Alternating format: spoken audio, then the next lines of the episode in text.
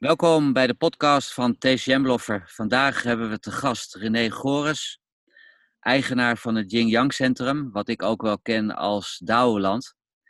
Ik heb René gevraagd omdat ik een jaar of 15 geleden al getriggerd werd door een artikel wat hij had geschreven. Dat eigenlijk elke TCM-therapeut, acupuncturist, uh, dat hij het aanbevelenswaardig vindt dat hij ook Qigong doet om met jouw Qi om te leren gaan. Welkom Dat- René. Ja, dankjewel. Ik wou er al meteen op inhaken, maar dat was 15 jaar geleden. Ik ben gelukkig wel een beetje bijgeschoold inmiddels. ja. Hoe is, jouw, hoe is jouw visie nu ten aanzien van de therapeuten? Want als ik naar de, he- de hedendaagse opleidingen kijk, dan is het eh, eh, vrij veel kennis vergaren. Maar Qigong en dat soort aspecten komen nauwelijks aan bod. Nou, er zijn twee, twee verschillende aanmerkingen die daar eigenlijk bij gelden. Allereerst dat vele kennis vergaren in Nederlandse opleidingen of Europese opleidingen. Dat wordt ongeveer gegeven in, in, introductiecursus in de Universiteit van Beijing voor Chinese geneeskunde in zes maanden tijd. Soms drie maanden tijd. En als je daarmee een praktijk opent in China, ga je ermee de gevangenis in. Oké, Ja, dus mensen uit het buitenland worden in China als niet gekwalificeerd gezien, omdat hun opleidingen te, te, te mager zijn. Dus je mag in China absoluut geen Chinees behandelen. Westelingen is oké, maar, eh, want ja, dat zijn toch geen mensen. Maar eh eh, Chinezen mag je absoluut niet prikken, de gevangenis in. ja, jij zegt daarmee dat de hedendaagse opleidingen te licht zijn. Ja, en, maar zij, aan de ene kant is dat omdat zij heel veel westerse geneeskunde erin doen. 75% van de moderne Chinese geneeskunde is al verwesterd. Maar ze koppelen het ook nog eens een keer aan heel veel westerse kennis, basiskennis. Maar dan de basiskennis is dan zeg maar, 60, 70% van de opleiding. En dan de terminologie van TCM is heel erg verwesterd. En eh, dus blijft er heel weinig echte authentieke Chinese medische basiskennis eigenlijk over. Maar wat betreft de, de manier waarop ik denk dat eh, training gedaan moet worden, van oudsher, eh, was Chinese geneeskunde was het domein van de Taoïsten. En de Taoïsten hadden daar twee doelen mee. Aan de ene kant om te kijken hoe zij zelf onsterfelijk zouden worden. waardoor je dus eigenlijk kennis nodig hebt. Dus de cliënten er eigenlijk een soort laboratorium. De behandelmethode, de behandeltijd, alles was heel anders. De soort naalden was heel anders. En de aanpak was dus ook heel anders dan wat men tegenwoordig doet.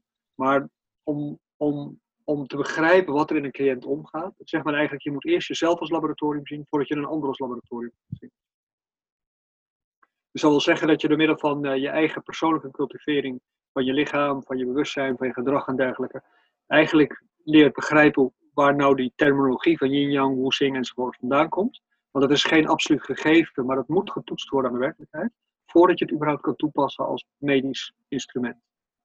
Ja, zeg je daarmee dat een therapeut in opleiding, of zelfs voordat hij in opleiding gaat, eh, zichzelf moet gaan cultiveren? En zo ja, hoe, Ja. hoe doet hij dat dan?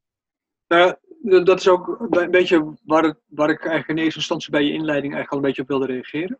Je hebt, ehm, je, hebt het, zeg maar, je noemde hem als eh, Yin Yang Centrum. Yin Yang Centrum was de naam van mijn kliniek. Oké, Ja, en in die kliniek dan gaf ik lessen. Dat dat was eigenlijk meer een soort facilita- faci- facilitatieruimte waar ik lessen gaf eh, voor gewoon, eh, gewoon mensen. En maar ook opleiding en ook eh, therapie gaf. En ik gebruikte alle drie min of meer als laboratorium voor het begrijpen van Chinese geneeskunde, want het was oorspronkelijk ook onderdeel van mijn PhD-onderzoek. En ik toetste dus eigenlijk alles wat ik deed in mijn onderzoek eh, op, eh, op mijn cliënten en mijn leerlingen. En daaruit is op een gegeven moment eh, het Douwland-programma ontstaan. En het Douwland-programma is eigenlijk een soort ja, verwesterst overzicht van hoe men in Chinese geneeskunde eigenlijk met geneeskunde omging in het algemeen. Dus wat stelt men als norm? Men stelt bijvoorbeeld een beeld van gezondheid als norm. En het beeld van gezondheid is heel specifiek. Allereerst, eh, je, bent on- je bent gezond als je onsterfelijk bent. Ja, je is moet even doordringen, hè? Je moet even Ja. doordringen. Ja. Ik was het dat- even stil. Ja. Dat, betekent, dat betekent dat 99,99% van de mensen daar is wel iets mis mee. Nou, dat is heel belangrijk om te weten. En dan, wat is de reden waarom je gezond bent? Er staat in de Guangdi Neijing, het eerste hoofdstuk van de Suen. Het gaat over wanneer, wat er gebeurt als je gezond bent. En er worden zes klassen van gezondheid gegeven. Van het meest gezond naar het minst gezond. En dan gaat men over naar hoe de maatschappij er tegenwoordig uitziet. En die dus standaard als niet gezond wordt gezien. En dan zegt men, ja, dat komt eigenlijk door dat en dat en dat. En je had het toevallig over jouw vrouw die dan vaginale problemen behandelt. in de Guanyin Jing en de, ook bijvoorbeeld Sun Miao en andere belangrijke artsen, die zijn allemaal bezig geweest met voeken, met vrouwengeneeskunde. Of moedergeneeskunde eigenlijk, hè, moedergeneeskunde. En die praten eigenlijk over dezelfde dingen als waar de Guanyin Jing over begint, over ziekte in het algemeen. En die zegt eigenlijk van oké, het feit dat we modderige gedachten hebben, dat we verlangens hebben, boosheid, angst en zo, die zorgen ervoor dat de Jing gebroken is. En doordat de Jing gebroken is, kunnen we niet, niet gezondheid realiseren. En de Jing is dan iets wat je doet, niet wat je hebt, maar iets wat je doet in de oude, oude taal. En daar zie je de verwestersing. Want je ziet dan in de moderne Chinese geneeskunde TCM dat alles iets is wat je hebt, niet iets wat je doet. Nee, je kan het alleen maar kwijtraken, hè? Jing ja, kwijtraken, de... ja. En dan alsof je er zeg maar, als je limonade in giet, dat dan je, je Jing weer beter wordt. Ja, benzine of iets in die geeft. En dat is, dat is een omkering van waarde die komt onder andere door de modernisatie die in Japan is begonnen. En Korea en China eigenlijk naadloos gevolgd. Ja, want waarom zijn ze gaan moderniseren? Uh, vanwege de koloniale invloed van het Westen, die liet zien dat zij eigenlijk achterlijk waren. Want dat zeiden wij tegen ze. Ja, jullie zijn achterlijk, jullie kennen de bloedvaten en het hart niet eens. Ja. Nou, dus men heeft geprobeerd om dat bij te spijkeren. Heeft men eigenlijk gezegd van oké, wat we gaan doen is uh, ja, moderniseren. Dus men heeft alles opnieuw beoordeeld en men heeft uh, dingen in een nieuwe context geplaatst. En dat proces heeft gewoon 50 jaar geduurd of zo, voordat dat zeg maar, meer of meer een beetje acceptabel was. Ja, want... Met als gevolg als men nu tests doet, bijvoorbeeld van de kanalen, dat men bijvoorbeeld neurale resultaten heeft, omdat men acupunctuurpunten, kanalen, alles heeft geherlokaliseerd naar uh, best acceptabele medische locaties, anatomische fysiologische locaties. Ja, toch hoor je soms wel eens dat er een herwaardering is van de oude Chinese geneeskunde. Uh, ik verbind daar eigenlijk al een beetje de volgende vragen ook aan. Als jij in Nederland of waar dan ook gaat studeren, dan staat er TCM-studies, Traditional Chinese Medicine. Maar als ik jou dus zo hoor, is het Modern Chinese Medicine. Dus kunnen ze die T misschien eigenlijk wel weghalen. Ja, alles wat je twee keer doet is traditional, hè? dus dat scheelt me de biologen zijn het erover eens dat alles wat je gewoontegetrouw doet is een traditie. Oké, dus dat kan je al vrij snel. Dus als ik vandaag iets doe, doe het morgen weer. Dan kan je als jij, een, jij, als, jij, als jij bedenkt dat als je een naald uh, in je haar wentelt, zoals ik hier in mijn haar heb bijvoorbeeld, je wentelt in je haar, en dat is goed voor uh, het uh, behandelen van gynaecologische problemen. En jij hebt daardoor, daardoor geen last van gynaecologische problemen. En je bent een man, dus dat is makkelijk. Maar een andere mannelijke leerling doet dat ook. En dan is het op dat moment een traditie. Oké. Dus ja, dan, Maar dan, dan, heb je nog steeds geen echte serieuze traditie, want je bent geen vrouw, dus je hebt geen gynaecologische problemen. Nee. Uh, dus je hebt er iets voorkomen wat je helemaal niet hebt. Ja. Nee. Is er nu, is er nu in China uh, wel een herwaardering aan de gang? Of zeg jij van nou, dat, dat, dat, hè, wat is jouw visie erop?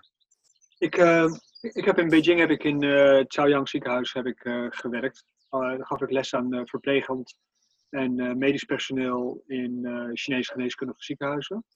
En er waren mensen uit de hele regio vandaan. Er waren mensen van opleidingen uit heel, heel de provincie, uit de deelstaten eigenlijk, zaten daarin groep van uh, eh, 15 man. Die zou ik mijn Douwland-programma gaan uh, onderwijzen.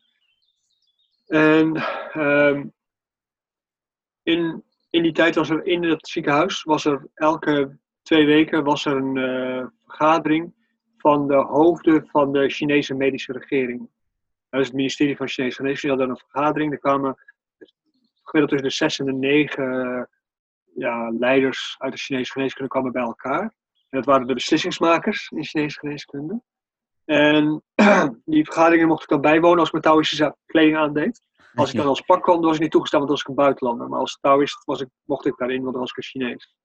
Ja, Mag dus ik meteen vragen wat de Taoïstische kleding is? Want anders, ja, dan ben Ja, dat zoals wat ik nu draag is echt Taoïstische kleding. Uh, mensen zien het tegenwoordig als kung fu pak, maar dat is uit de Ming-dynastie. Is dat uh, zeg maar de oorspronkelijke kleding die je als dokter eigenlijk draagt. Ja, mooi. En dan maar, maar daar, daar werd op een gegeven moment de vraag gesteld, en ik mocht er af en toe ook commentaar leveren. Uh, uh, als uh, op mijn eigen niveau expert dan. Hè? En daar zat ik er ook voor onder andere. En dan op een gegeven moment zei men, vroeg aan me van, wat was een gespreksonderwerp en men sprak over de Verenigde Naties heeft acupunctuur erkend als werelderfgoed.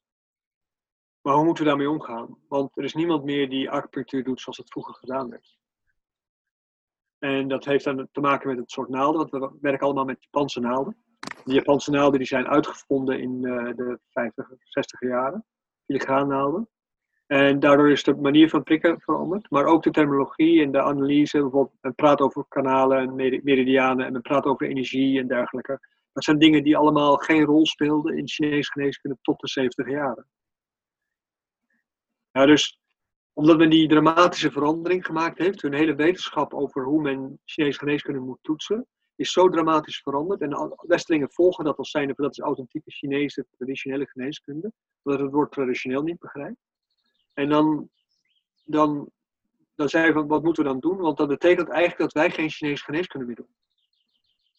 Ja, kan je, kan je aangeven wat, wat, wat precies dan het verschil is? Dat je zegt de oude Chinese geneeskunde en nou, dat is eigenlijk vrij simpel. Uh, Chinese geneeskunde is gebaseerd op het Chinese leermodel. En niet op het westerse leermodel. En wij hebben tegenwoordig met TCM hebben wij een westers leermodel wat uit boeken komt. De autoriteit ligt in boeken. Terwijl in de oude geneeskunde lag de autoriteit in je ervaring met zelfcultiveren. Ja, en dan kom ik eigenlijk een beetje terug op mijn beginvraag. Ehm, stel, een luisteraar die is uh, uh, therapeut of die is een therapeut in opleiding en die zegt: Ik wil werken aan mijn zelfcultivering. Ja. Wat zijn daar. Voor, heb je daar voorbeelden van? Nou ja, het is een heel traject wat je doorgaat. Want je wil namelijk het uh, wereldbeeld, wat de grondslag ligt aan Chinese geneeskunde, wil je jezelf eigen maken. En dat is niet een kwestie van yin-yang en wu-xing of uh, hoe Westelingen dat dan ook uh, noemen. Want die noemen het dan vaak vijf elementen en uh, nou, de yin-yang-theorie wordt sowieso in China uitgelegd met hegelistische dialectische termen. Dus de omkering van waarde. Um, maar ja, je, wil die kwaliteit in jezelf cultiveren door middel van je lichamelijke training. Je wil je ontdekken wat wat is. Dus je wil echt de manier waarop je lichaam opgebouwd is, wil je eigenlijk leren kennen. En daar zit een stuk interne meditatie in, interne schouwen zeg maar, van je lichaam. En het uh, aansturen van uh, verschillende krachten die in je lichaam een rol spelen. Fysiologische krachten eigenlijk allemaal. Hè? Ja. En uh, fysiek, hoe je vanuit de grond vandaan je lichaam eigenlijk opbouwt en in stand houdt. En dan daarnaast um, ook je gedrag naar buiten toe, hoe je je gedraagt naar buiten toe. En wat voor fysieke resultaten je daarvoor moet hebben. En bijvoorbeeld de Pakwa-theorie, ja, de, de, de acht diagrammen, die reflecteert eigenlijk zeg maar, de acht stappen van je persoonlijke cultivering. En als je dat als, als, als, als start neemt, is het dan dat je begint met Qigong of begin je met lezen? Ja, goed, misschien vat ik het dan wel weer nu heel verstandelijk op. Hè? Maar ik, ik, nee, nee, ik probeer dat op zo'n rijtje te krijgen van, goh, wat zouden dan mijn stappen kunnen zijn? Je eerste stap is een goede leraar zoeken. En wat zijn kenmerken van de goede leraar? Of hoe vind je dat? Want iedereen heeft tegenwoordig een mooie website. Dat hij die cultivering uh, doorgemaakt heeft. En hoe kan ik dat weten? Ver genoeg in gevorderd is dat hij min of meer als autoriteit daarin kan, kan gelden. Ja, want iedereen beschrijft op zijn website: ik ben naar professor die geweest en dan gaan ze twee weken naar China. En het lijkt op internet alsof ze drie jaar in China hebben gezeten. Ja, en dan hebben ze in een ziekenhuis mee mogen lopen en dan mogen ze geen cliënt aanraken, want dan gaan ze namelijk de gevangenis in. Ja. Ja. Ja, nou, dat is een dilemma dat uh, veel je ziet, je ziet bij Chinese artsen dat ze vaak min of meer een diploma's in China gekocht hebben. Ze hebben dan een promotiepakket zelfs gekregen van de Chinese overheid om hier een kliniek te openen. Die hebben dus alles wat de Chinese overheid zegt van dit moet je erin hebben, je moet die zoveel kruiden hebben, je moet zoveel eh, bedden hebben enzovoort enzovoort. Uh, om het Chinese model eigenlijk te exporteren, want daar krijgen ze gewoon subsidie voor. Um, de diploma's zijn vaak gekocht in, zonder dat er een opleiding gevolgd is. Of dat er heel weinig opleiding gevolgd is. Hè, dat men eigenlijk een soort uh, ja, noodcursus eigenlijk gevolgd heeft, vergelijkbaar met wat we hier in het Westen kennen.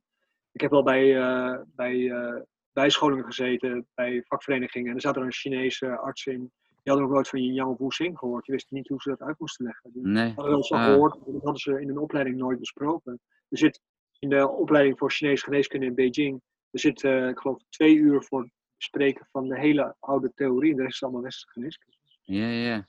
Ja, ik, visualiseer, ik visualiseer nu een beetje zo'n Mac Drive waar ze dan langs Ja, rijden. ja, ja, ja, Ze gaan zes jaar naar school, hè? Ze gaan zes jaar naar school, moet je niet vergeten. Oké, En het is, het is in China zo dat als jij van de Academie voor Chinese Geneeskunde afkomt en je krijgt een baan in een regulier ziekenhuis, dan kan je daar aangenomen worden, want je mist maar 20% kennis. ja. Ja, dus de, hun, hun kennis is min of meer op hetzelfde niveau als gewoon een reguliere arts. En daarom benadrukt men ook kruidenkunde in China, omdat ja, dat lijkt al een beetje op onze chemische geneeskunde. ja. En, en dat, men heeft ook allerlei dingen herbenoemd eh, op diezelfde chemische voorwaarden. Je ziet dat nu bij vakverenigingen en verzekeraars die datzelfde model nastreven. Want dan zit straks alles, om, valt onder de noemer westerse geneeskunde, reguliere geneeskunde. Ja. Ja, want alle terminologie en alle namen zijn min of meer hetzelfde. En dan mag je het, privé mag je het dan bijvoorbeeld eh, yin-yang noemen, maar of, of eh, bijvoorbeeld damp of iets in de geest. Maar in de praktijk heet het dan gewoon eh ehm, eh, antidepressant of depressivant. Ja, ja, ja, het gaat allemaal verwest. Maar dat, dat, dan wordt het steeds, steeds onduidelijker.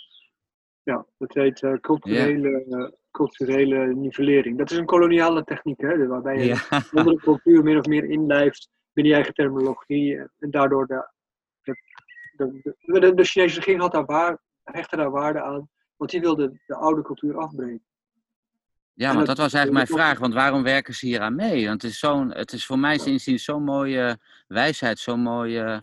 Ja, maar dat, dat wat je dus leest in westerse boeken, dat is westerse wijsheid. Wij lezen bijvoorbeeld over, eh, over eh, homeostase. Nou, homeostase is een biologische term. Dat heeft niks te maken met Chinese geneeskunde. De Chinese geneeskunde gaat uit van harmonie, niet van homeostase. Er is geen Nee. balans in de Chinese geneeskunde. Bestaat. Nee. Nee, dus altijd, altijd omdat yin in yang zit en yang in yin, bedoel je dat daarmee? Het Nee, nooit 50-50 nee is? heeft meer te maken met van, eh, soms is een klein beetje yin is genoeg om een hoop yang in, besta- in evenwicht te houden. En soms een klein beetje yang genoeg om een heleboel yin eh, in beweging te brengen. Ja, Nou, dus die, dat, die, die, die harmonie is de, de, de gepaste hoeveelheid. Maar je, hebt een, je kan een hele dunne as hebben met een heel groot wiel. Om het zo maar uit te drukken. ja. Ja, oh, dat is wel een mooi voorbeeld, want in de, in de theorieboeken, met name van Mashosha die gebruikt worden, daar staat alles echt heel, eh, nou ja, als een, als een soort hij- wipwap, om het maar zo te zeggen. Neemt het ene af, gaat het andere toe. Dit is wel een hele klopt. mooie vergelijking. En dat is, een, dat is nou kenmerkend voor die verwestersing. En hij, hij maakt bijvoorbeeld een claim dat hij zich baseert op eh, de Shanghai Universiteit. Waar hij dat gestudeerd zou hebben. Maar de Shanghai Universiteit zegt andere dingen dan hij. Die hebben zelf een eigen Engelstalige encyclopedie uitgegeven. Die zeggen vaak het omgekeerde van wat hij zegt. Hij heeft gewoon heel veel naar zijn eigen bedrijf toe ge- ge- geredeneerd. Want ja, hij had daar natuurlijk invloed mee. Ja, dus eh, hij heeft. eh, ja, hij draagt heel veel dingen in- aan. Maar hij buiten, buiten dat het allemaal gebaseerd is op kruidenkunde, eh, Ja. draagt hij ook heel veel dingen aan eh, vanuit zijn eigen eh, theosofische achtergrond. En niet, niet, vanuit, eh, niet vanuit Chinese geneeskunde. Dus hij, hij haalt heel veel dingen door elkaar heen. Ik weet niet of dat nou specifiek opzet is of niet. Maar hij, hij, hij gelooft er daar gewoon kennelijk heilig in. Ja. Ja, zo- beetje Zo heeft hij ook altijd de bewering, als je droge ogen hebt, dat je dan meteen leven bloedleeg of leven yin-leegte geeft hij dan aan. Ja, over, dat is een overtrekking inderdaad. Ja, ja, En dat ja. volgt Hij iedereen overtrekt. klakkeloos. Hè? Dat, Ja, eh, hij, over, hij overtrekt heel veel dingen, waardoor het meer binnen een westers diagnostisch model past. Terwijl heel veel dingen zijn gewoon heel subtiel. In Chinese geneeskunde, je hebt, zeg maar, je hebt, eh, je hebt drie klassen van mensen. En dat eh, in de Ben Cao Jing, van de uh, Tao Hong Jing, Tao Hong Jing, eh, Taoïst uit de Tang-dynastie geloof ik, eind, eind Han-dynastie. En die, die beschrijft zeg maar kruiden in drie verschillende klassen. Je hebt kruiden voor mensen die ziek zijn. En dan heb je het over serieus ziek, dus bezig zijn om dood te gaan. En je hebt kruiden voor mensen die niet ziek, niet beter zijn. Dat zijn de meeste mensen. En dan voor mensen die echt gezond zijn. En dat is maar een heel klein percentage. De kruiden uit de ene groep is schadelijk voor de mensen uit de andere groep. En als ja. gevolg daarvan eh, kan je zien dat voor mensen die heel ziek zijn, daar kan je dingen voor gebruiken die heel giftig zijn, want dan elk kleine beetje wat helpt, is goed. Maar de mensen die gemiddeld zijn, die moeten aan zelfcultivering gaan doen, om ervoor te zorgen dat ze bij die gezonde groep terechtkomen. Ja, Waardoor ze uit die, uit die kruiden, uit die, uit die, uit die valstrik, zeg maar, van inertia eigenlijk, waar we dan in zitten, ja, kunnen stappen. Waardoor ze niet geleidelijk aan oud worden en doodgaan. Of eh, gevoelig worden voor allerlei ziektes. Ja. En dan in die gezonde groep, dat is maar een heel klein groepje, zijn er specifieke kruiden die men daar kan nemen ter ondersteuning van je gezondheidsproces, uh, waardoor je nog wat meer effect uh, eruit uit kan halen. Wat wij superfood zouden noemen nu, zeg maar. Ja, ja, ja. ja. Uh, maar dat zijn dingen die dan alleen maar dan gezond zijn, maar die voor mensen die in mindere gezondheid zijn, absoluut onveilig zijn. En dan zie je dat nu benadrukt men zeg maar, de klassificatie van kruiden, yin yang, woosing enzovoort heel erg. Zonder die klassificatie van levels van ziekte en gezondheid te hanteren. Dat is iets wat de PRC heeft ingevoerd.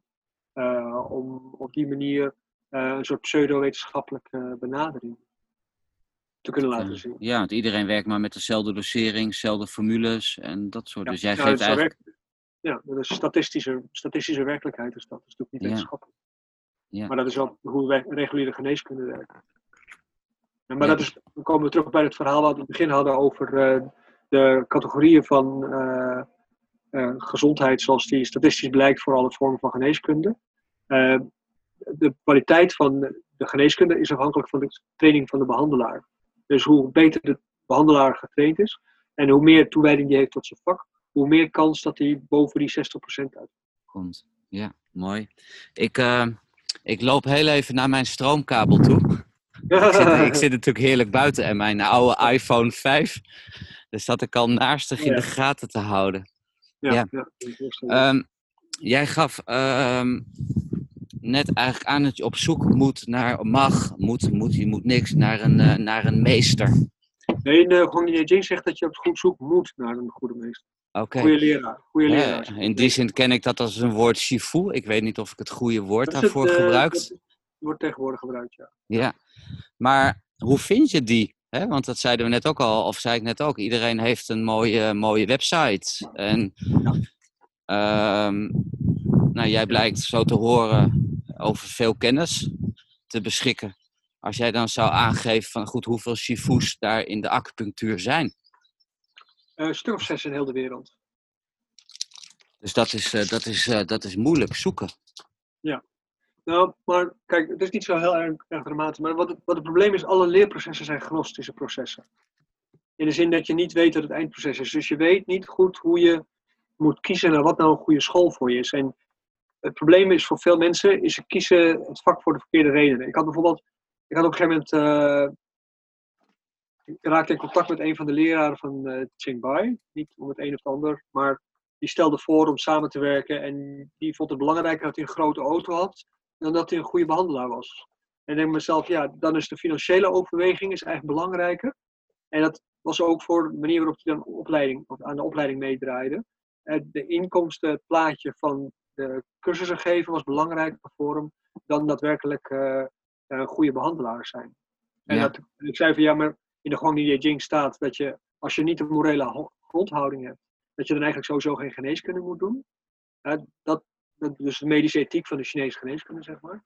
Uh, dat was iets van, ja, maar dat geldt niet voor deze tijd, want uh, het is echt gewoon een vak. Meer is het gewoon niet. Ja. ja. dus dat, dat zijn keuzes die mensen dan maken. En, dan, en, dat, en dat is het lastige met Chinese geneeskunde. Je krijgt te maken met, als je serieus met het vak aan de, aan de, aan de slag gaat, is het mensen die eventueel ziek worden en eventueel doodgaan. Word je bijvoorbeeld lid van de NVA. Dan staat er bijvoorbeeld in je, in je lidmaatschap, als iemand uh, ziek wordt, dan moet je hem naar de huisarts sturen. Ja, dus je mag eigenlijk niet behandelen als iemand ziek is. Dus dat betekent dat je alleen maar op welzijnsniveau eigenlijk mag functioneren. Terwijl je eigenlijk op ziekteniveau moet functioneren. Ja, ja dat is een dus degradatie eigenlijk, ja. Ja, ja. En er is, een, er is een antropologisch onderzoek naar gedaan. En uh, in de negentiger jaren ging ik heel vaak nog naar allerlei congressen, begin van de 21ste eeuw ook. Waar onder andere uh, vaak aangegeven werd dat uh, Chinese geneeskundigen op hetzelfde niveau werden erkend als uh, verplegers en dierenartsen. Ja. Ja, en dat wil zeggen dat complementaire en alternatieve geneeskunde, die worden eigenlijk niet erkend als een serieus vak. Maar dierenartsen en verplegers, die worden door artsen gezien als een minderwaardig beroep, eigenlijk alleen maar bedoeld voor vrouwen. Ja. ja, dat is een hele macho wereld in deze wereld. Ja. En dus die, die grondslagen voor de erkenning, zeg maar, die zitten vaak op verkeerde gronden. En dan zie je dat, bijvoorbeeld statistisch, uit, uit onderzoek uit uh, Noorwegen was dat, dat artsen bijvoorbeeld meer medische fouten maken met acupunctuur dan niet-artsen. Ja, dus als arts zijn de medische acupunctuur doen is gevaarlijker voor de cliënten dan als niet-arts. Omdat een niet-arts is voorzichtiger, omdat ze minder weten van het menselijk lichaam. En daardoor eigenlijk met meer op zekerheid spelen. Ja. Ja. ja dus hun aanpak is dus daardoor vaak veel beter dan, uh, dan dat een arts doet. Die neemt veel meer risico. Ja, jij noemde net uh, de grondhouding hè, van de therapeuten. Ja. Dan komen we eigenlijk weer op levensstijl, hoe je in het leven staat. Levenskeuzes, ja. Levenskeuzes. Ik had laatst een cliënt in de praktijk en die gaf aan uh, geen geld te hebben. Ja. Dan had ik het gevoel van, goed, ik ga haar behandelen, ik ga haar helpen, want dat opent mijn hart. Dat is terecht, ja. Uh, vervolgens haak ze vrij snel af omdat, nou, wat had ze allemaal? Ze had bij behandeling 3 had ze een lekke band. En ze woont hier, uh, ja goed, ze woont één kilometer van mij vandaan, zeg maar, van de, van de praktijk. Uh, een paar behandelingen later haak ze af, omdat er iets met haar tante was. Die was verkouden of iets in die geest. En dan denk ik, oh, dan zit ik gratis. Tuurlijk word ik dan teruggeworpen op wie ik ben en mijn eigen emotie en wat voel ik precies. Ja. Maar als ik dan even naar die emotie toe ga, voelde het voor mij niet, niet prettig. Ja, natuurlijk kan ik dan denken, ja, uh, Owen, wil je dan zoveel dankbaarheid hebben als je iets gratis weggeeft? Andere mensen hebben, ik heb met andere, andere therapeuten erover gesproken. Die zeiden, ja, weet je, geld is energie. Als mensen er geld in stoppen, dan zijn ze er ook serieuzer mee bezig. Dat zijn dan, oh. Ja goed, als jij dat dan zo noemt, dan speelt dat een beetje door mijn hoofd heen. Ja, ik hoop dat je mijn gezicht net zag. Toen zo, oh. ja, ik zag het. Uh, moderne esoterie, esoterie daar, daar heb je dan eigenlijk over. Hè? Ik ben naar de, onder andere studie gaan doen, westerse esoterie, om te begrijpen wat er nou eigenlijk Westers is en wat er nou eigenlijk Chinees en Chinees is. Maar uh, Westerse esoterie heeft een aantal rare interpretaties gemaakt voor de her, herintegratie van het godsbegrip. En het woord energie is eigenlijk een uh, scientismische interpretatie van uh, goddelijke kracht. Waar statische elektriciteit, statisch magnetisme en zo ooit op gebaseerd was in de 17e eeuw. En men heeft dat via Anton Mesmer en nog een aantal andere mensen hebben dat geleidelijk aan geïntegreerd dat is op een gegeven moment, heeft men gezegd van oké, okay, goddelijke kracht is goed vergelijkbaar met elektriciteit. Stroomt, bla bla bla. En toen had je op een gegeven moment, had je, ik weet niet of je wel eens van gehoord hebt, uh, meneer Einstein. Ja, qua naam. Ja. en qua middelbare school. ja, ja, ja, inderdaad. Ja. Maar die man die zei dus eigenlijk, die, er is uh, op het gebied van relativiteit, en dan moet je fysica begrijpen, uh, heb je de, de speciale en de algemene relativiteitstheorie. En dan zei hij E is mc kwadraat. En als er dus geen snelheid is, dan is de energiegehalte afhankelijk van de materie van dingen. En dan is de energie dus eigenlijk bijna on, oneindig. En dan is energie en massa. Dus zou, je dat, zou je het ook in Jip en Janneke taal kunnen zeggen, of niet? Ja, nee, dit, is Jip, Jip, dit is Jip en Janneke taal. Oh, dat is het al. dit is Jip en Janneke taal. de algemene relativiteitstheorie is bedoeld voor onbenullen zoals wij. ja. Ja? En daaronder zit ik ergens waarschijnlijk dan. oh, nee, nee, nee, nee, je mag wel verwachten dat je naar school bent geweest. Dus uh, dat je ook wat opgelet hebt. Ik was maar, er wel, ja. Maar het probleem is, wat hij dus eigenlijk zegt, is dat als iets in stilstand is, dan is de hoeveelheid energie van een object is hetzelfde als een massa. En daaruit heeft men afgeleid dat dan energie en massa hetzelfde is. Dus jij of iets anders heeft een bepaalde energie. Uh, maar niks staat stil, alles is in beweging. Met als gevolg dat het verhaal niet klopt.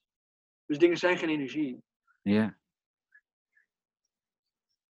Dus dingen in verhouding tot hun snelheid is een uh, kinetische energie. Dat wil zeggen dat door een snelheid, door een beweging, is er een bepaalde hoeveelheid energie.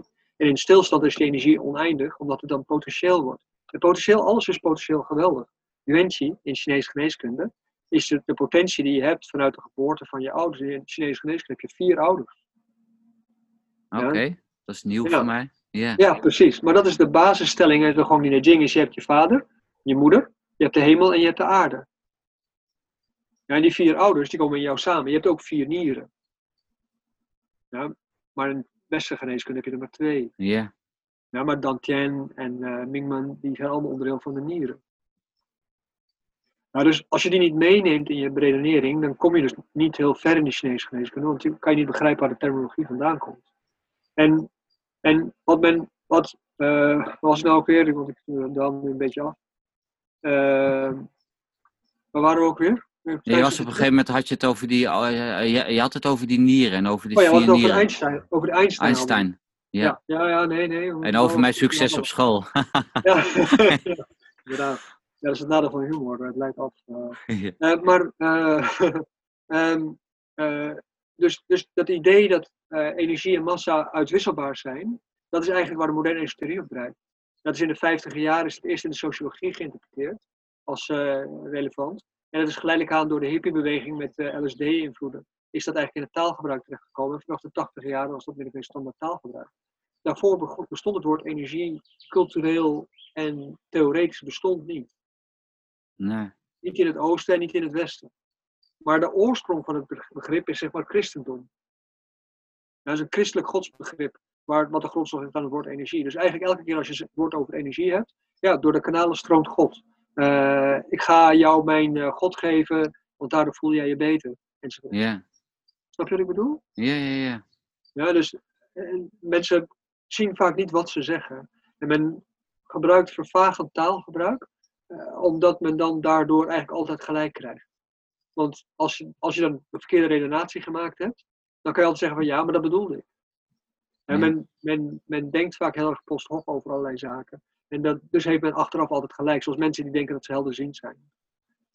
En ze hebben drie keer in hun leven hebben ze een helderziend moment gehad. En uh, daardoor zijn ze helderziend. En dan ja. gaan ze een vak opnemen op een beurs en dan gaan ze mensen een toekomst voorspellen. Ja. Ja, ja, ja. Terwijl ze misschien wel bloedleeg zijn. Ook nog eens. Uh, waarschijnlijk in ieder geval een uh, ziekconditie hebben, waardoor ze inderdaad uh, gewoon kwetsbaar zijn en makkelijk allerlei signalen oppikken en paranoia genoeg om daar een interpretatie te maken. Ja, ja. Ik doe nog even weer een stapje terug naar mijn voorbeeld. stel nu dat die mevrouw bij jou in de praktijk komt. Ja. En she is out of money. Ze heeft geen geld, maar ze zegt: Oh, René. Ja. ja. Ik heb toch echt wel heel erg veel last van mijn rug. Ja, ik behandel ook heel vaak mensen gratis, maar ik weeg het een beetje af. En ik kijk naar wat, wat voor andere dingen doen ze voor hun gezondheid. Nou, dus ik weeg een beetje af wat hun morele houding is. En in hoeverre ze inderdaad tijd gaan investeren. Want dat is bij elke behandeling is belangrijk dat je weet dat de cliënt inderdaad iets gaat doen. Ja, niet alleen maar, zeg maar passief gebruik maakt van jouw diensten, omdat het fijn is aandacht te krijgen. Ja, ook een stukje thuiswerk, levenshouding, verandering. Is dat wat je ze meegeeft? Ja, mensen moeten eigenlijk ook altijd uh, zichzelf gaan trainen. Eigenlijk, ik, ik, bied eigenlijk altijd drie dingen aan. Uh, acupunctuur en massage gaat eigenlijk altijd samen in Chinese geneeskunde. Je kan eigenlijk in Chinese geneeskunde zonder, zonder die twee dingen met elkaar te combineren, is eigenlijk heel moeilijk om daadwerkelijk tot een blijvend resultaat te komen. En uh, ze hebben een eigen theorie. En dan heb je kruidenkunde is een andere theorie. Ja, waarom, waarom acupunctuur en massage samen? Want ja, hier wordt het weer heerlijk ge, gescheiden. Technisch zijn ze allemaal massage. Sorry, nog een keer? Technisch zijn ze allemaal massage. Ja. Ja, ja dus yes. Massage met een naald, dan masseer je op de huid, en dan ga je de huid ook in. En dan masseer je van binnenuit en dan masseer je het kanaal met de naald. Ah, oh, oké. Ik dacht dat je bedoelde bijvoorbeeld op Twina of, of, of een andersoortige massage. Nee, nee, nee. Ik bedoel ook letterlijk wel Twina of allemaal of iets in die geest, ja. Aan het zaal. Ja. ja, er zijn verschillende soorten technieken die je erbij gecombineerd. Want de werking van je, van je van je acupunctuur wordt gewoon verbeterd door uh, ook fysieke technieken te doen. Door het mobiliseren van een persoon of door uh, bepaalde punten aan te kloppen of aan te slaan of te knijpen. Of... Ja, ja. Ik uh, las nog een stukje op jouw site en daar was ik ook wel door getriggerd. Dat jij een, een, een, een bepaald systeem hebt, dat je een soort sponsoren, donateurs zoekt ja. om uh, behandelingen toegankelijker te maken.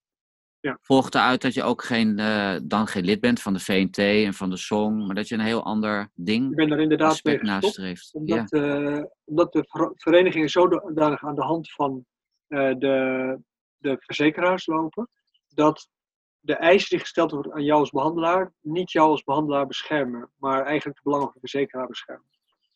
En ze, ze beschermen ook niet de belangen van de cliënt, want de cliënt krijgt een beperkt aantal behandelingen vergoed. Binnen welke tijd zeker chronische klachten eigenlijk niet behandeld kunnen worden. En Chinese geneeskunde is het best op chronische klachten, niet op acute klachten. Ja. ja. Dus dat betekent dat eigenlijk je buitenspel wordt gezet qua technieken uh, voor wat er aan vergoeding beschikbaar is. En de, het verzekeringsinstrument maakt dat cliënten makkelijker, um, hoe zeg je dat, uh, behandeling opgeven. Eigenlijk hetzelfde als dat je met uh, cliënten hebt die dan gratis behandeld worden. En ze geven het makkelijker op, want anders moeten ze gaan investeren. En dat geld geven ze liever uit en dan op het terrasje zitten of op vakantie gaan of een nieuwe jas of iets. Ja, nou, heb je gezondheid daar... is niet eerst belangrijker door de verzekering. Ja. Heb je dan met die cliënt een soort, heb je daar een gesprek over? Wat je verwacht? Nou, als, mensen, als mensen bij mij komen, dan maak ik gewoon een prijsafspraak. En als het chronisch is, dan behandel ik ze goedkoper. En als het een individuele behandeling is, dan krijgen ze een vaste prijs. En de vaste prijs hou ik altijd zo laag mogelijk. De meeste mensen rekenen boven de 60 euro. En ik zit altijd nog onder de 55 euro per behandeling. En dat is in de provincie kan het iets goedkoper, want het leven er iets goedkoper is. Maar Amsterdam is gewoon heel duur. Ja. Dus dan is 55 absoluut een minimum. Ja. wat ik, wat ik doe via mijn, uh, mijn, mijn Patreon-site, is dat mensen kunnen donateren. En dan kan ik meer mensen aannemen die geen geld hebben. Er zijn bijvoorbeeld best wel veel mensen die bijvoorbeeld dakloos zijn of uh, financieel hulpeloos zijn of wat dan ook. Of in een uh, economisch afhankelijke situatie zitten. En die wel bereid zijn om ook te werken aan allerlei zaken. Maar dat, dat, dat, dat is niet te doen. En ook gelijkertijd wordt ook gebruikt voor doen van onderzoek. En uh, mensen die een opleiding willen, maar eigenlijk geen geld hebben om een opleiding goed te doen. dat ze dan inderdaad mee gefinancierd worden daardoor. Waardoor ik de opleidingsprijs ook laag kan houden. Ja, ja, als ik even terug ga naar die cliënt, maak je ook behandelplannen met die cliënt? Uiteraard. Dat je zegt, ik heb, ik heb zoveel behandeling nodig, maar... Mag de inschatting, ja. Verwacht jij dan ook wat van hun terug met houding?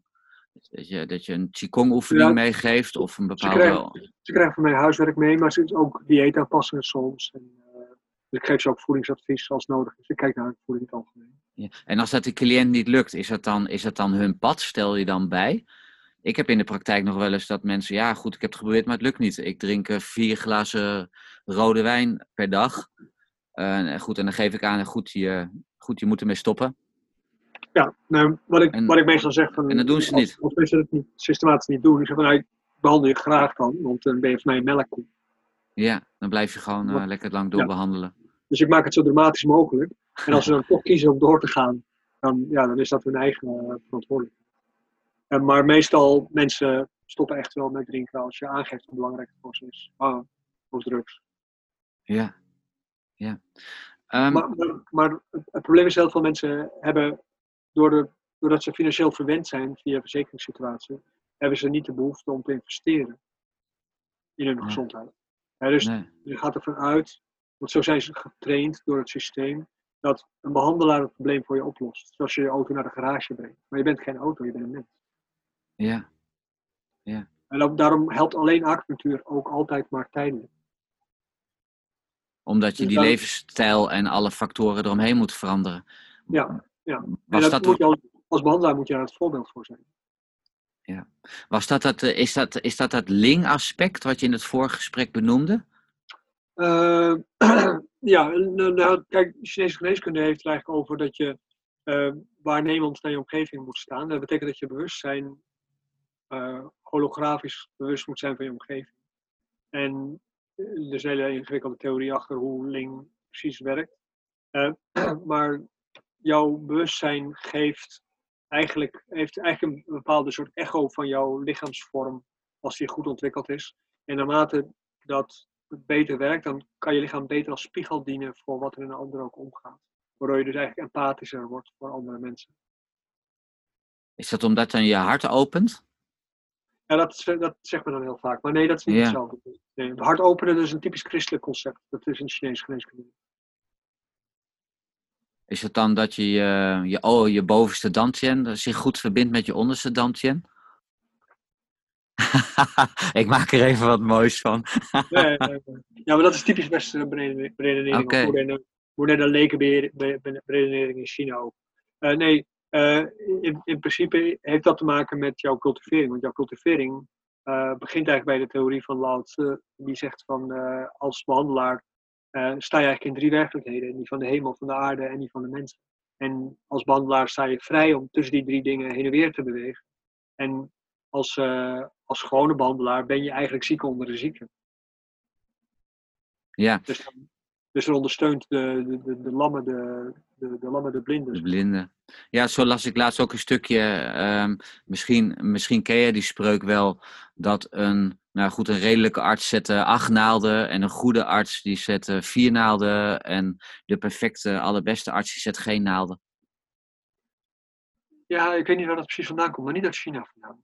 Oké, dat hebben we zelf verzonnen ergens. ja, nee, wat is zo, vroeger, vroeger was het zo dat naalden werden met de hand gesmeed. En er zat dus ook olie op en smeren zo, want dat was gewoon smeet, smeedijzer. Ja. En dat betekende dat uh, bij elke naald die je inzet, ben je iemand aan het vergiftigen. En uh, ook omdat de naalden vrij dik waren, elke keer als je een naald zette, kreeg je ook bloedingen. Ja, dus de theorie was vroeger ook van oké, okay, als je te veel naalden zet, dan bloed je iemand leeg. En dan wordt het aderlaten eigenlijk. Maar dan te veel naalden maakt dan dat iemand te veel bloed verliest en dan is eigenlijk uh, anemisch wordt en misschien doodgaat. Door filigraannaalden te gebruiken hebben we minder vaak last van bloedingen. Uh, dat is een heel ander soort naalden. En daardoor is men meer naalden gaan gebruiken. Bijvoorbeeld een uh, collega van me uit Zaandam en zijn familie, die beweren dat als je maar genoeg naalden gebruikt, dan kom je aan het gewicht van het aantal naalden wat ze vroeger had. En dan op dat moment gebruik je genoeg naalden. Dus het aantal naalden wat je moet gebruiken, moet evenredig zijn aan het gewicht van de naalden wat je vroeger zou gebruiken met de ouderwetse naalden. Okay. Dus dan moet je meer naalden gebruiken om zeg maar, hetzelfde effect te sorteren. Hele, mensen hebben dus hele rare naïeve theorieën. Ja, en ze gebruikten vroeger 500 gram naalden, daar ben je wel even bezig. Ja, precies. Ja, ja, ja. ja. Maar ik heb wat acupunctuur facials bijvoorbeeld. En uh, er was een, waren drie Chinese artsen aan het Hof van Karel de Grote. En uh, er was een standaardtheorie voor vrouwen aan het Hof, uh, techniek voor vrouwen aan het Hof, waarbij we een aantal naalden in het gezicht zetten. En dan bleef er een zwarte plek achter vanwege de vervuiling van de naalden. En dat is de basis voor de Franse schoonheidsplek. Die dus ah, ja. ja dat, oké. Okay. Ja, dus, ja, dus er zit een geschiedenis achter allerlei dingen die men vaak niet weet en daardoor ook niet weet wat, wat de rol daarvan is. Ja, en, en nu is het zo in China, elke generatie artsen wil bewijzen dat ze beter zijn dan de generatie daarvoor. Dus die gebruiken meer naalden. Ja. ja en en dat, dat is gebaseerd op iets wat tussen de Song en de Tang-dynastie is gebeurd waarbij de Tang-dynastie min of meer uh, de Ben Jing volgde en zei van oké, okay, je hebt eigenlijk maar drie kruiden nodig om uh, iemand beter te maken.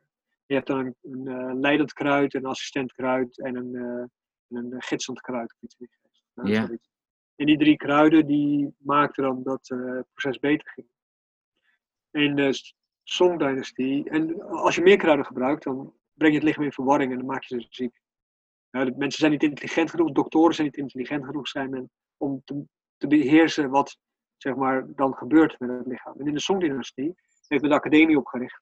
En daar beleidde men eigenlijk theoretische kruidenkunde. Dus geen praktische kruidenkunde. Yeah. Kruidenkunde.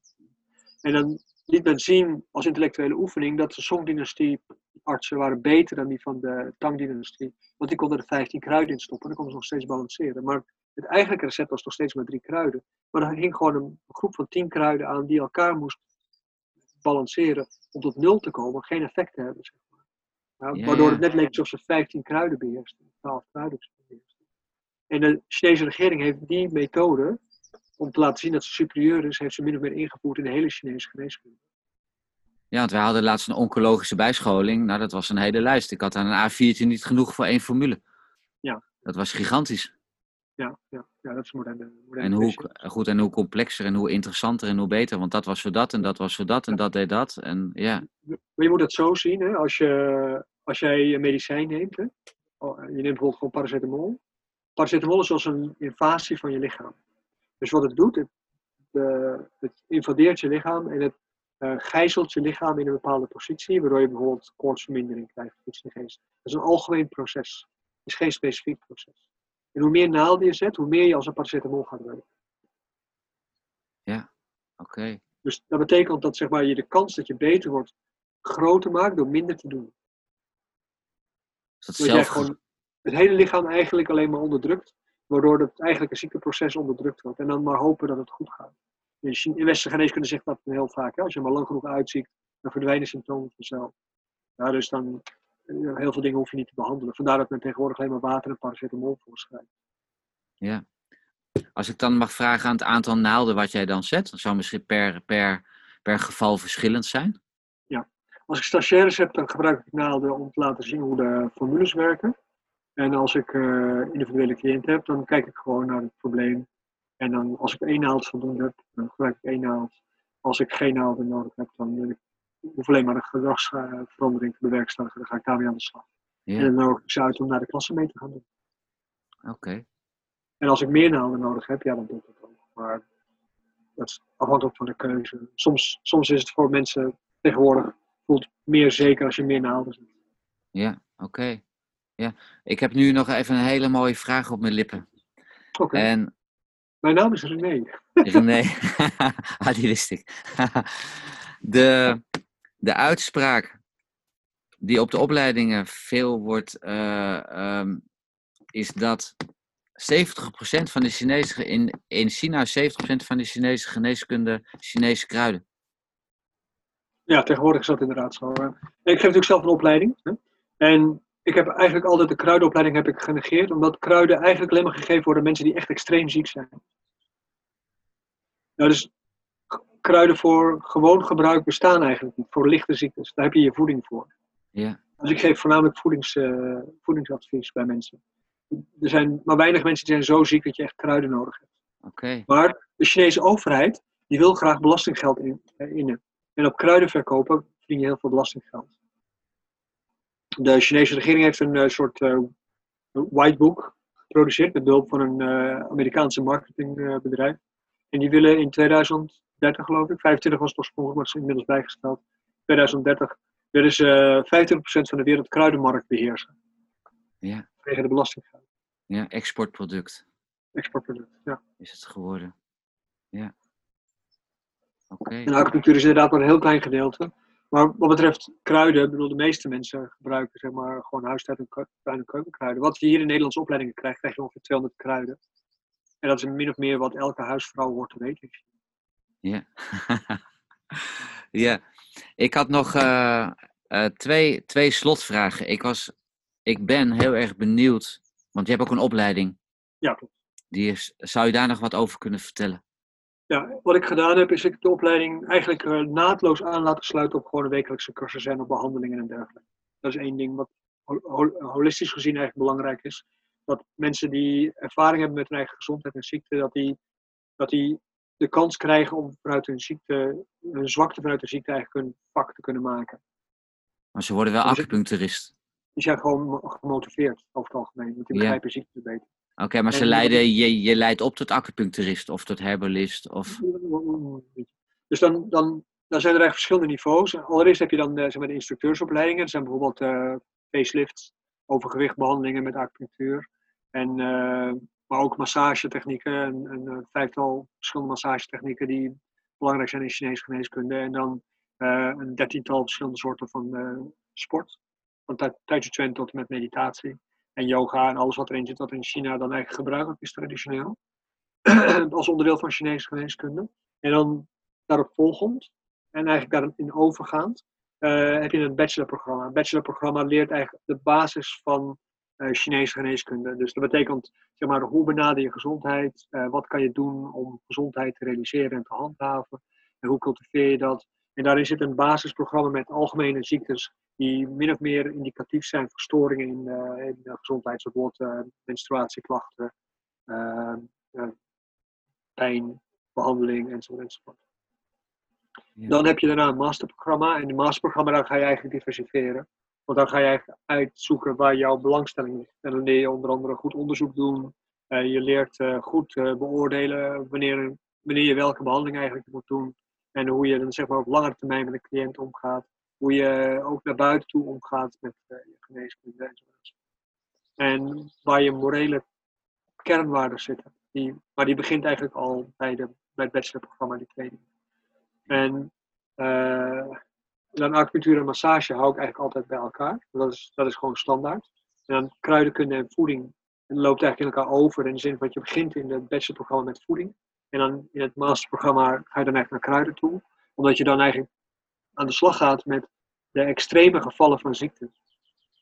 Ja. dus dan moet je veel meer basiskennis hebben van ziekte. En wat ik ook doe, ik geef mensen een geïntegreerde, vergelijkende kijk op westerse en Chinese geneeskunde. Want ik, ik zie dat mensen die westerse geneeskunde doen als basis, die gaan steeds meer redeneren vanuit die westerse benadering. Want die geeft zekerheid.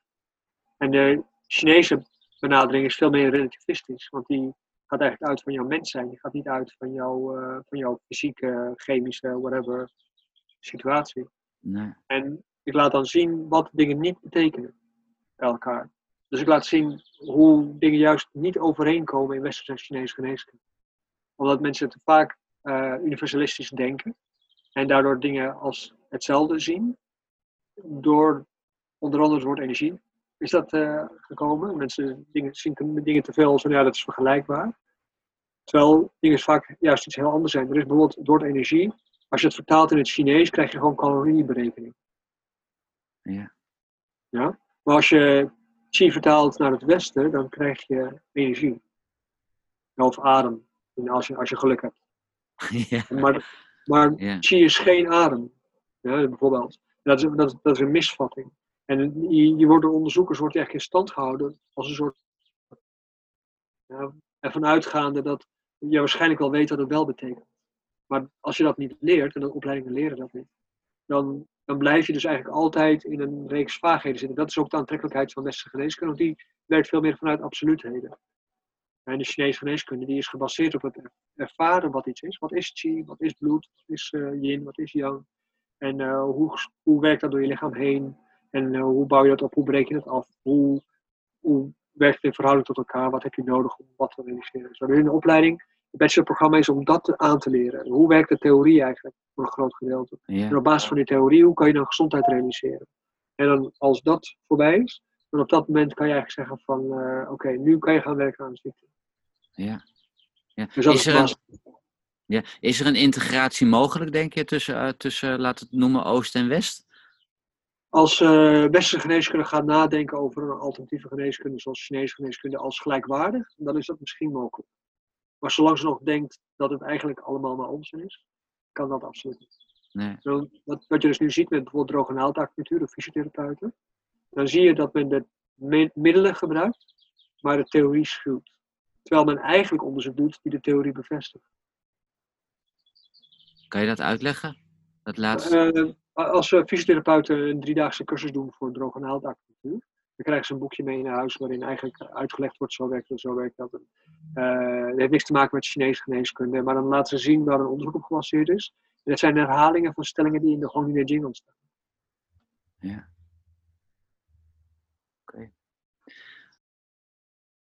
Hier eindigt mijn gesprek met René.